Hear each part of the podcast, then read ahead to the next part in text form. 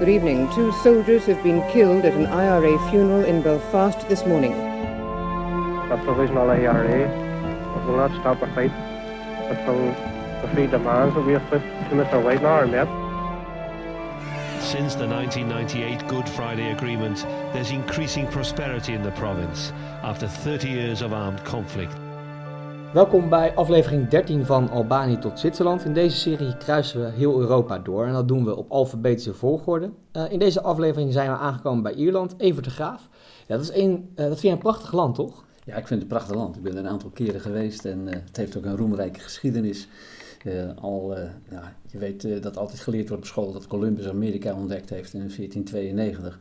Dan gaan de verhalen dat er een Ierse monnik is geweest, Sint Brandaan, die al in de zesde eeuw na Christus een reis heeft gemaakt, was een abt in Ierland, met een zo'n primitieve boot van hout met een koeienhuid omspannen. En uh, veel mensen die zeggen dat is niet mogelijk geweest, dat is allemaal fantasie geweest van een dichter die er later in de 12e eeuw een gedicht over heeft gemaakt. Maar ik meen dat een aantal jaren terug een Engelse commando is geweest, die heeft die boot nagebouwd en is erin geslaagd om met zo'n primitieve boot toch de Atlantische Oceaan over te steken. Dus het is wel heel bijzonder.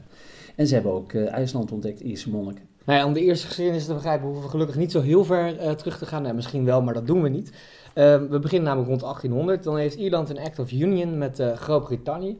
Ja, hoe zat dat precies in elkaar? Ja, de voorgeschiedenis van dit hele gebeuren in 1801 is dat natuurlijk Engeland een grote mogelijkheid begint te worden. En die weet dan binnen de kortste keren natuurlijk ook allerlei landen die vlak om hun heen liggen aan hun grenzen weten te veroveren. Ierland, Schotland, Wales. En in die allereerste periode van de middeleeuwen is dat al, op het eind van de middeleeuwen, dan zie je natuurlijk dat er maar één godsdienst is en dat is dan de Rooms-Katholieke godsdienst. En dan komt er een koning Hendrik VIII aan de macht, die heeft geregeerd van 1507 tot 1547 en die krijgt dan een heel, ja, eigenlijk platvloers is dat in wezen. Die krijgt genoeg van zijn eerste vrouw, katholieke vrouw, Catharine van Aragon, en dan wil hij scheiden. Is verliefd geworden op een uh, meisje van adel uit Engeland, Anna Molijn. En dan wil hij mee trouwen, goed, goed, goed. En dan ja, komt hij recht tegenover de paus te staan. De paus die verbiedt dat. In de Rooms-Katholieke Kerk is echtscheiding eigenlijk uh, done. Dat mag absoluut niet. En als hij dan zijn zin niet krijgt, dan gaat hij in 1534 gaat hij de Anglikaanse kerk stichten.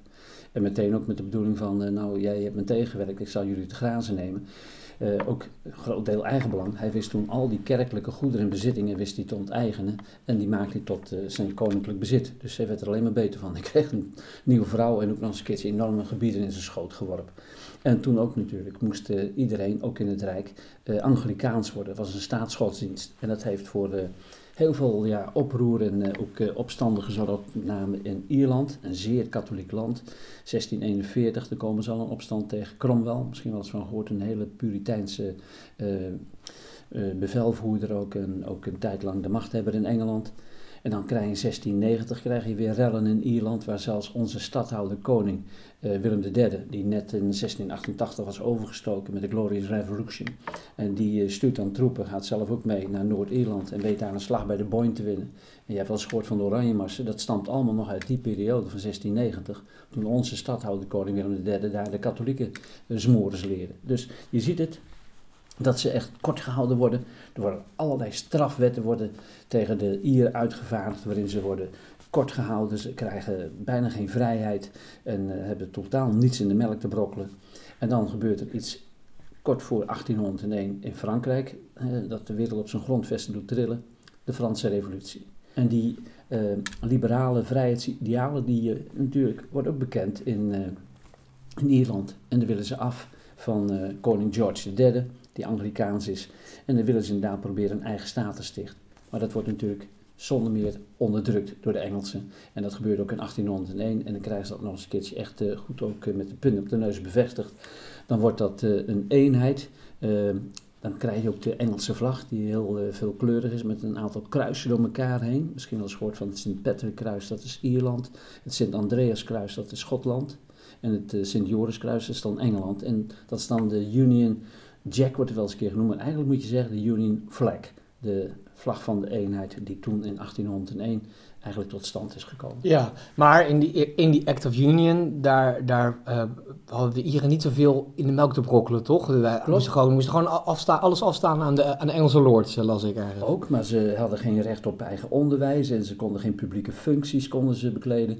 Ze wilden natuurlijk ook emancipatie van de Rooms-Katholieken en meer godsdienstvrijheid kregen ze niet. Ze wilden een eigen parlement. Ze hadden nog wel parlementariërs die ook uh, vanuit uh, Ierland gekozen werden en dan mochten gaan zitting nemen in het uh, Westminster in Londen. Maar dat wilden ze gewoon niet. Ze wilden inderdaad ook een eigen politieke ja, lotsbestemming in handen nemen. En ook eens een keer af van al die landlords die hen vreselijk overheersten. Complete, zo rond 1800, nog middeleeuwse toestanden van lijfeigenschap haast zou je kunnen zeggen. Dat de boer uitgebuit werd op het leven door de Engelse grootgrondbezitters die vaak zelf afwezig waren. En ja. dan rentmeesters hadden die daar naartoe gingen. Want, want de boeren waren echt arm, hè? Straatarm. Ja. ja. Dat bloeit ook de Ierse cultuur op. Nou, dat zien we eigenlijk, hè, dat kunnen we eigenlijk zien eigenlijk in heel Europa. Um, er is een buitenlandse overheersing. Er komt een wens voor zelfstandigheid en er is ook meer belang voor de eigen cultuur. Past dit nou in, in al die landen die we al behandeld hebben qua ja, ik denk het wel. En met name ook een land als Ierland is daar heel gevoelig voor. Die Ierse volkscultuur, uh, dat is uh, heel bijzonder geweest. Uh, altijd werden daar de verhalen van vader op zoon overgedragen. Er werd ook veel gezongen tijdens het werkturfsteken en ook met name het illegaal stoken van whisky enzovoort. Dan kwamen al die verhalen omhoog en er werden liederen gezongen.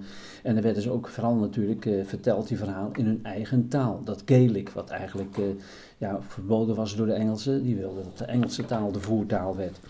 Uh, ze beleden natuurlijk een Rooms-Katholieke geloof, ondanks dat ze uh, Anglikaans moesten zijn, maar daar had je toen ook al uh, veel Ieren die er zich niets van aantrokken. Vaak werden die liederen ook natuurlijk door bekende muzici gespeeld in kroegen, in pubs en noem allemaal maar op. En dat is echt een hele eigen cultuur gaan leiden. En ik mag af en toe wel eens een keer een boek noemen. Als je, hij wordt bijna niet meer gelezen. Een van de grootste schrijvers die Nederland ooit heeft gehad. Simon Vestdijk. Die heeft een schitterend boekje geschreven, Ierse Nachten. Dan kom je eigenlijk dat leven van die onderdrukte Ieren kom je heel goed tegen. Ook als je het boekje hebt. Een klein uh, een pocketje. Maar nog een keer, ik denk dat het nog steeds goed te lezen is. Maar die pubcultuur, dat vind je nog steeds terug. En uh, ja, een van de stelregels van de Ieren, lol maken, dat is onze zuurstof. Dus uh, dat hoort erbij. En dat dat plezier laat zichzelf niet door de Engelsen verhalen. Nee, en eigenlijk, eh, volgens mij vind je dat, vind je dat wel mooi, hè? Heb je, heb je er wel voor, voorliefde voor, volgens ja, mij? Zeker. Ja, zeker. Um, nou, de Britten die hadden die voorliefde wat, uh, wat minder. Um, en de overheersing werd steeds meer een gruwel voor de Ieren. Hoe, hoe komt dat? Nou, het is een heel uh, bizar voorbeeld is er van te noemen. je had daar een, een, een groot Engelse landheer en die had een rentmeester naar Schotland, naar Ierland, sorry, toegestuurd. Dat was een Charles Boycott. Die man heeft geleefd van 1832 tot 1897. Heeft niet meer die uh, Great Famine heeft hij meegemaakt. Dat Ierland geteisterd werd door uh, hongersnood omdat de aardappelziekte uitbrak. Maar toen hij er kwam, uh, wilde hij weer op de oude wijze, wilde hij gewoon de Ieren, dat ze zich werkelijk, nou ja, te basten moesten werken voor hem op het land. En daar hadden ze meer dan genoeg van. En toen hebben ze daar in dat uh, dorpje in het zuiden van Ierland, hebben ze de koppen bij elkaar gestoken, hebben we gezegd, we gaan actie voeren tegen die vent. En hoe doen we dat? Ze wisten dat ze weinig tot geen wapens hadden en dan zouden de Engelsen natuurlijk troepen sturen. Dat wilden ze dus niet doen, uh, dat ze dat zouden uitlokken. Maar ze hebben helemaal sociaal hebben ze geïsoleerd.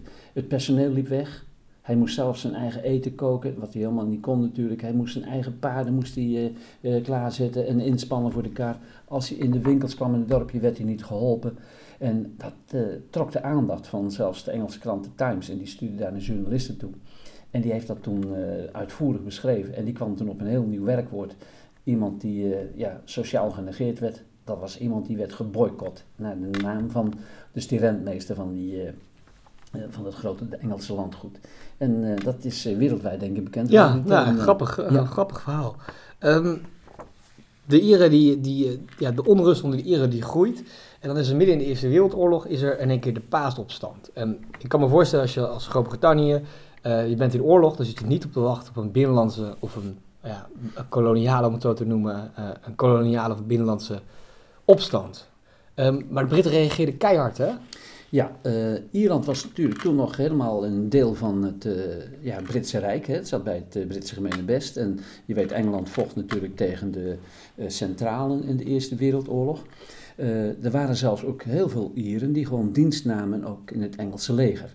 En meevochten in de loopgraven ook in, in West-Vlaanderen en ook op andere plekken in de wereld werden ze ingezet.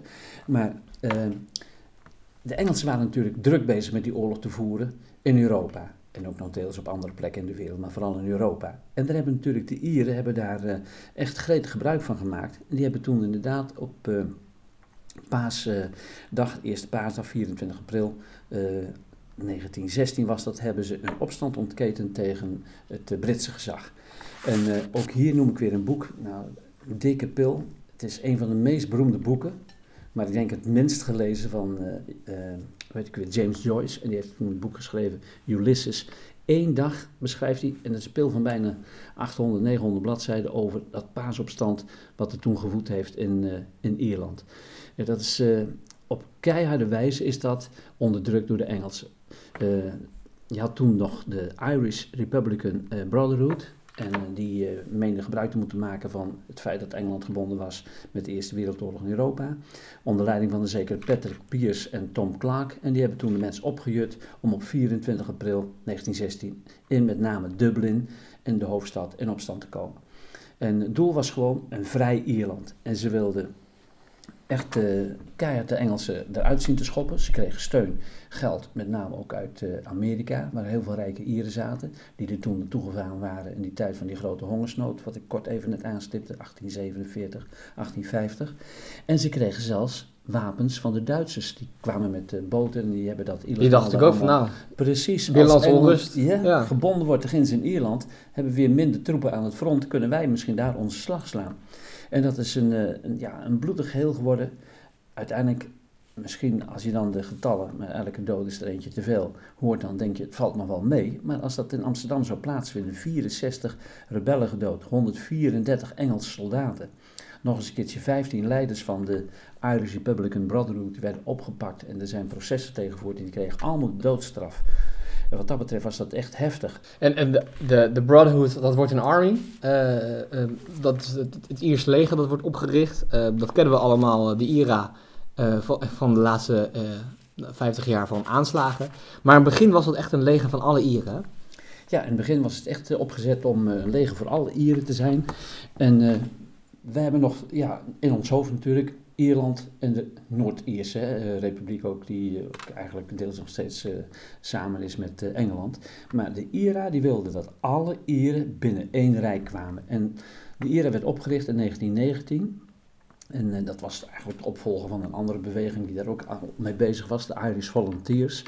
En dan zie je dat die IRA meteen ook allerlei guerrilla-acties gaat uitvoeren in 1919, kort na de oorlog. Ehm, tegen de Engels. En dan breekt er gewoon ook een, eh, een Iers onafhankelijkheidsoorlog uit van 1919 tot 1921. De IRA, de guerrilla's tegen de Engelse agenten en tegen het Engelse leger. En ze wilden nog een keer, wat je al goed aanstipte, dat alle Ieren, ook die protestantse Ieren, die zich hadden gevestigd grotendeels in Noord-Ierland, dat die ook samen in één Ierland zouden worden opgenomen. De grote leider van het geheel, dat was een uh, Iman de Valera, heeft geleefd van 1882 tot 1975. Een geweldige, fameuze Ier, beroemd in Ierland.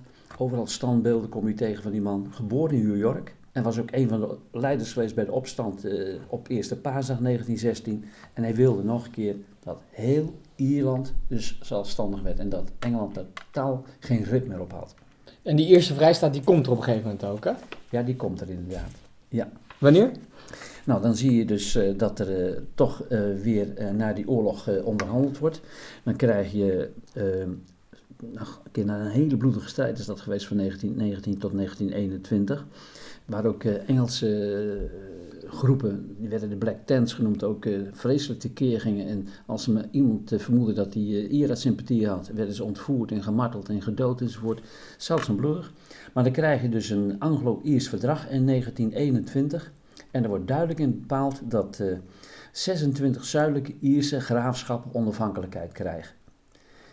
En Ierland werd wel een dominion. En een dominion, dan behoor je toch bij het Britse gemene best, dan heb je de status van een Canada en van een Australië. Waar nu nog steeds, dat weten weinig mensen, de Engelse koningin nog steeds een staatshoofd is. Ja, Dus dat zal dan ook voor hun gelden. maar het hele, maar- hele beperkte macht toch eigenlijk? Ja, eigenlijk macht, begin. grote macht natuurlijk eh, Ja. voor inderdaad die eh, landen toch wel met een eigen parlement ook.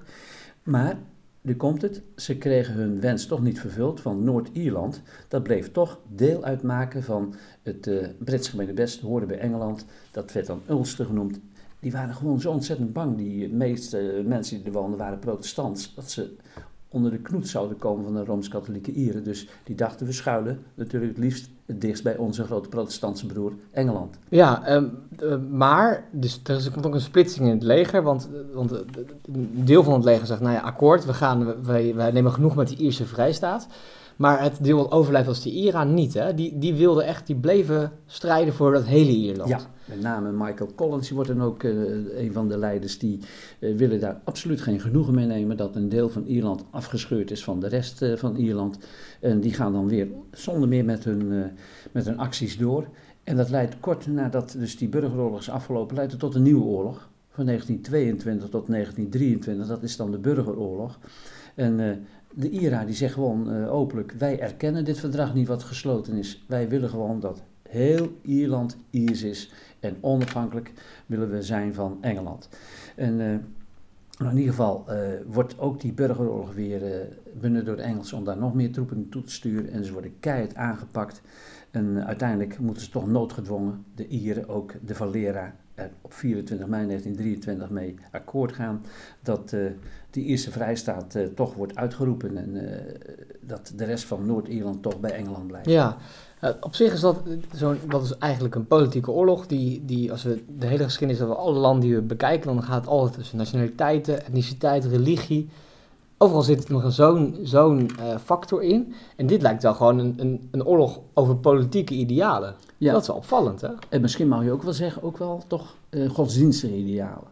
Eh, want je hebt natuurlijk altijd die tweestrijd tot, eh, nou ja, tot in de jaren 80, 90 nog eh, van de vorige eeuw heb je nog gehad tussen de Rooms-Katholieken en de protestanten. Dan breekt de Tweede Wereldoorlog aan. En wat, wat ik opvallend vind, is dat Ierland daarin neutraal blijft. Ehm, je zou zeggen, nou, waarom vecht het niet mee met de geallieerden? Maar ehm, Groot-Brittannië ligt ook om de hoek. Ja. Dat, dat zou logisch zijn, toch? Ja, aan de ene kant, eh, dat zal eh, in onze verhalen steeds naar voren komen. Kleine landen, die willen het liefst een onafhankelijkheid eh, willen ze koesteren en die willen neutraal blijven. En de haat richting Engeland was natuurlijk ontzettend groot door alles wat er gebeurd was. Wat ik al noemde van 1919 tot 1921, van 1922 tot 1923. Die oorlogen die er geweest zijn. Toch, als je de Ieren diep in hun hart keek, ook bij de Valera, dan waren ze toch nog wel meer pro-Engels dan dat ze pro-Hitler waren. En ik moet eerlijk zeggen, bij de Ieren had je toch wel mensen die ook eh, inderdaad fanatiek nazi waren. Want die huldigen het principe, de vijand van mijn vijand is mijn vriend. Dus eh, Hitler-Duitsland de vijand van Engeland, dan is Hitler-Duitsland onze, ja, onze vriend. En eh, dat heeft best wel voor wat tegenstelling gezorgd, maar uiteindelijk is Ierland toch wel grotendeels gewoon ook neutraal gebleven in die Tweede Wereldoorlog. Ja, ehm, na de Tweede Wereldoorlog eh, dan worden de, definitief de laatste Britse banden doorgesneden.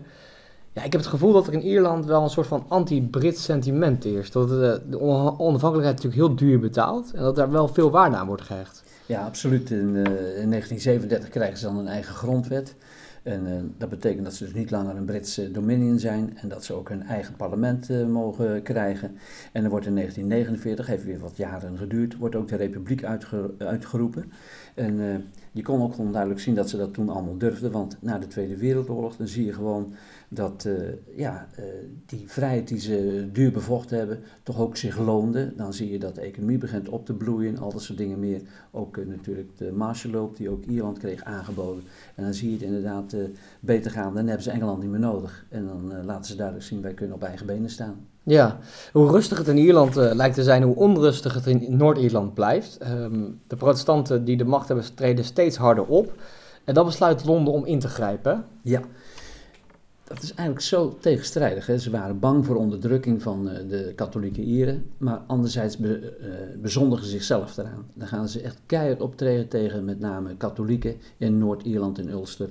En eh, dat, ja, overtrad vaak alle grenzen. En de Rooms-Katholieke minderheid die voelde zich zo ontzettend onzeker. En die deed in Noord-Ierland. En die deed een beroep op de Engels van kom over en help ons. Want we worden echt op een vreselijke manier te pakken genomen door de protestant. En dat zien de Engelsen in. En die sturen dan inderdaad ook uh, daar troepen naartoe, agenten naartoe. En die plaatsen zelfs Noord-Ierland onder controle van de Engelse regering. Dat ze dus minder eigenlijk in de melk te brokkelen hebben. En dan zie je gewoon dat er echt een verharding ook optreedt tussen inderdaad ook weer in Noord-Ierland de protestanten en de Ieren. Ja, want uh, een Engelse troepenmacht op Iers grondgebied, Noord-Iers in dit geval, ja, dat is de koren op de molen van de IRA. Ja, dat is de bekende rode lap hè, die uh, zijn effect heeft op de stieren. Dat uh, wekte inderdaad toch ook... Aan de ene kant hadden ze de Engelsen nodig voor bescherming. Aan de andere kant wekte dat ontzettend veel verzet. Dat ze dus het straatbeeld kleurden met hun ja, militaire uitrusting, al dat soort dingen meer. En dan zie je dat er ook weer allerlei acties worden ontketend om toch ja, die Engelsen daaruit te schoppen enzovoort. Zelfs ook door katholieke Ieren die eigenlijk de steun nodig hadden van de Engelsen. En dan beginnen dus allerlei spanningen op te lopen in 1968. de IRA die, uh, maakt ook van alles mee. Die krijgt zelfs nog een splitsing voor de kiezen. In 1969 is dat. Dan beginnen die onlust echt grote vorm aan te nemen. Misschien heb je wel eens gehoord dat dan de meest linkerkant had je de professionals, de provo's werden die genoemd. En die hadden vaak groene kleding aan, de groene IRA-leden, tegenover de traditionals. En dat waren de rode IRA-leden. En die wilden meer op parlementaire weg uh, toewerken in Noord-Ierland voor onafhankelijkheid. Terwijl die anderen zeiden nee, we gaan gewoon een stadsguerrilla voeren. We gaan die Engelsen eruit uh, ja, uh, schoppen en ja, vermoorden als het nodig is. En dat is toen inderdaad ook heel hoog opgelopen, al die tegenstellingen. Aan de andere kant, ik heb hem al genoemd, had je dan Dominic Paisley, die ook zich ontzettend fel afzette tegen de IRA en ook zijn aanhang had. En over en weer werden de massen werden georganiseerd, waar weer uh, werd geschoten enzovoort. Allerlei onrust, allerlei rellen, die kleurden toen uh, het beeld van de geschiedenis van ja, Noord-Ierland. Dat was dieptepunt um, um, Bloody Sunday. Bloody Sunday, dat was op 30 januari 1972 in Londonderry. En het was eigenlijk een, een, vreedzame demonstratie van, ik weet niet hoeveel mensen, toch uh, misschien wel een paar duizend. Nog een keer, er gaan uh, andere getallen ook over de toonbank, dat weet ik niet precies hoeveel te waren. Maar opeens voor meer rechten ook en meer vrijheden voor de, de Noord-Ieren. En opeens vielen de schoot. En er zijn allerlei veronderstellingen. Zijn het Engels geweest die als eerste geschoten hebben? Is het de IRA geweest die een incident wilde uitlokken?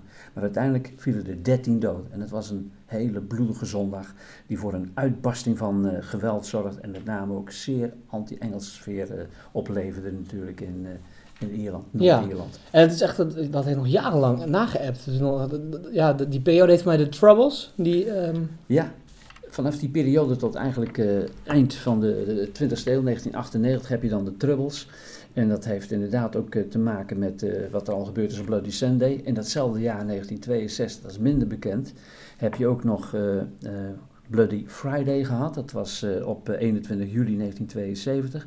Waar tientallen bommen afgingen in Belfast, gevolg ook elf doden. Dus een paar minder dan bij die eerste keer. Maar in ieder geval, je ziet dat dat uh, een zeldzaam woelige periode is geweest met ontzettend veel geweld. Met uh, geweld van en katholieken en van protestanten, waar vele tientallen doden zijn omgekomen. En het heeft uh, zelfs ook nog zijn effecten gehad dat de IRA de vleugels uitsloeg en niet alleen maar op Iers grondgebied ging opereren. Nee, ze hebben zelfs ook nog, en dat is ook heel spraakmakend geweest, hebben ze op 12 oktober 1984 hebben ze in Brighton hebben ze, waar een groot uh, congres van de conservatieve partij werd gehouden, waar ook Margaret Thatcher, de toenmalige premier, aanwezig was, hebben ze een bom weten te plaatsen en die is toen ontploft. En nou, wonder boven wonder, op een haar na, anders was ze ook uh, toen omgekomen, is zij de dans ontsprongen, maar er waren wel vijf doden te betreuren. En zelfs in 1991, op 7 februari, hebben IRA-leden in Downing Street 10 hebben ze mortier afgevuurd op de voordeur van het pand waar de Britse premier woonde. Dat, nou ja, dat maakt natuurlijk geweldig indruk ook op uh, de mensen in Engeland. Van nou, het gevaar komt steeds dichterbij. Het speelt niet alleen in, in Ierland, maar ook ja. hier op Engels grondgebied uh, heeft het al inderdaad uh, zijn effecten. En dan ook een heel bekend gegeven is geweest dat een paar IRA-leden werd opgepakt in 1981. En die werd opgesloten in Noord-Ierland. Een klein plaatsje. En er werd een hele beruchte gevangenis werd daar gebruikt, de Mees-gevangenis. En die Bobby Sands en zijn negen aanhangers, die hebben daar werkelijk onder onwijs slechte omstandigheden moeten verkeren. Ze wilden verbetering van de omstandigheden en toen heeft hij gezegd, we gaan ons doodhongeren om betere omstandigheden te verkrijgen voor uh, IRA-gevangenen in de Engelse gevangenis. En ze hebben ja, voet bij stuk gehouden, zijn uiteindelijk omgekomen. En dat heeft natuurlijk opgeleverd dat Bobby Sands en de zijne ja, heilige werden ergens in Ierland. Ja. Het maakte diepe indruk dat men zelfs voor een politiek ideaal wilde sterven. Ja, dat kan me voorstellen, ja. ja. En eigenlijk is, is de rust pas sinds een jaar of tien teruggekeerd, hè? In, in, uh, ja, toen zijn er de Goede Vrijdagakkoorden zijn er gesloten ook in, in Ierland uh, in 1998. En besloot men de strijdbijl te begraven. En uh, dan zie je inderdaad dat uh, de rust toch eigenlijk grotendeels is weergekeerd. En dat zelfs uh, bekende IRA-leden die ook bommen gegooid hebben en aanslagen gepleegd hebben, in de politiek komen. En ook belangrijke rollen gaan vervullen. En zelfs ook ja, een hele grote rol vervullen in het vredesproces. Ja. ja. de IRA heeft zichzelf inmiddels opgeheven, toch? moet ik eerlijk zeggen dat ik dat of ze officieel zijn opgeheven, het zou best kunnen, dat weet ik eerlijk niet. dat zou kunnen. Oké. Okay. Um, ehm, Ierland werd ook uh, zwaar getroffen door de economische crisis. Uh, sinds een paar jaar is, is daar de weg weer omhoog ingezet. Um, maar ja, Groot-Brittannië ehm, stapt natuurlijk uit de euro, de brexit. Denk je dat Ierland zal volgen? Dan zit ik sterk afhankelijk van elkaar, lijkt me. In ieder geval Ierland van Groot-Brittannië het is wel leuk om te zien dat Ierland een tijdje lang een economische tijger werd genoemd. En er gingen er ook ontzettend veel Polen ook met name ook eh, naar Ierland toe. En ze hadden mensen nodig voor de opbloeiende economie. En dat is toen in elkaar geklapt met de, de, grote crisis in 2008 natuurlijk. Hè, met die bankencrisis waar ze ook zwaar onder te lijden hebben gehad. Heel veel ontslagen vielen er. Heel veel Polen die werden eigenlijk het liefst maar weer het land uitgestuurd. Terug naar Polen. Want er was toch geen werk. En dan zie je toch wel dat inderdaad ook uh, de economie weer naar die crisis van 2008 begint aan te trekken. En dan opeens klapt op de vuurbel de brexit. En er zijn de meningen toch wel sterk over verdeeld. Uh, ook zelfs in Noord-Ierland. Ik heb ergens een artikel gelezen dat 56% van de Noord-Ieren toch eigenlijk tegenstander was van de brexit. En men ziet het al met ledenogen gebeuren. Wat gaat er gebeuren nu Engeland uit dus de Europese gemeenschap stapt? Komen er weer grenzen tussen Noord-Ierland en Ierland? Iets wat ze totaal niet willen. Fysieke belemmeringen van hekwerk en noem allemaal maar op. Urenlange wachttijden. Ik denk dat de meerderheid in Ierland absoluut niet voor uittreding uit de EU is. En dat zal best nog wel hier een aantal problemen op gaan leveren. Net wat je nu ook op leest op het ogenblik in Schotland, dat ook veel Schotten het daar niet mee eens zijn dat de Engelsen eruit getreden zijn. Ja, Gibraltar zelfs. Ja, Gibraltar, ja. nog zo eentje. Ja. heel actueel. Nou, dat blijven we volgen. Bedankt voor deze uitleg over Ierland. En de volgende week dan zijn we er weer en dan gaan we het hebben over IJsland. Nou, tot dan. Prima.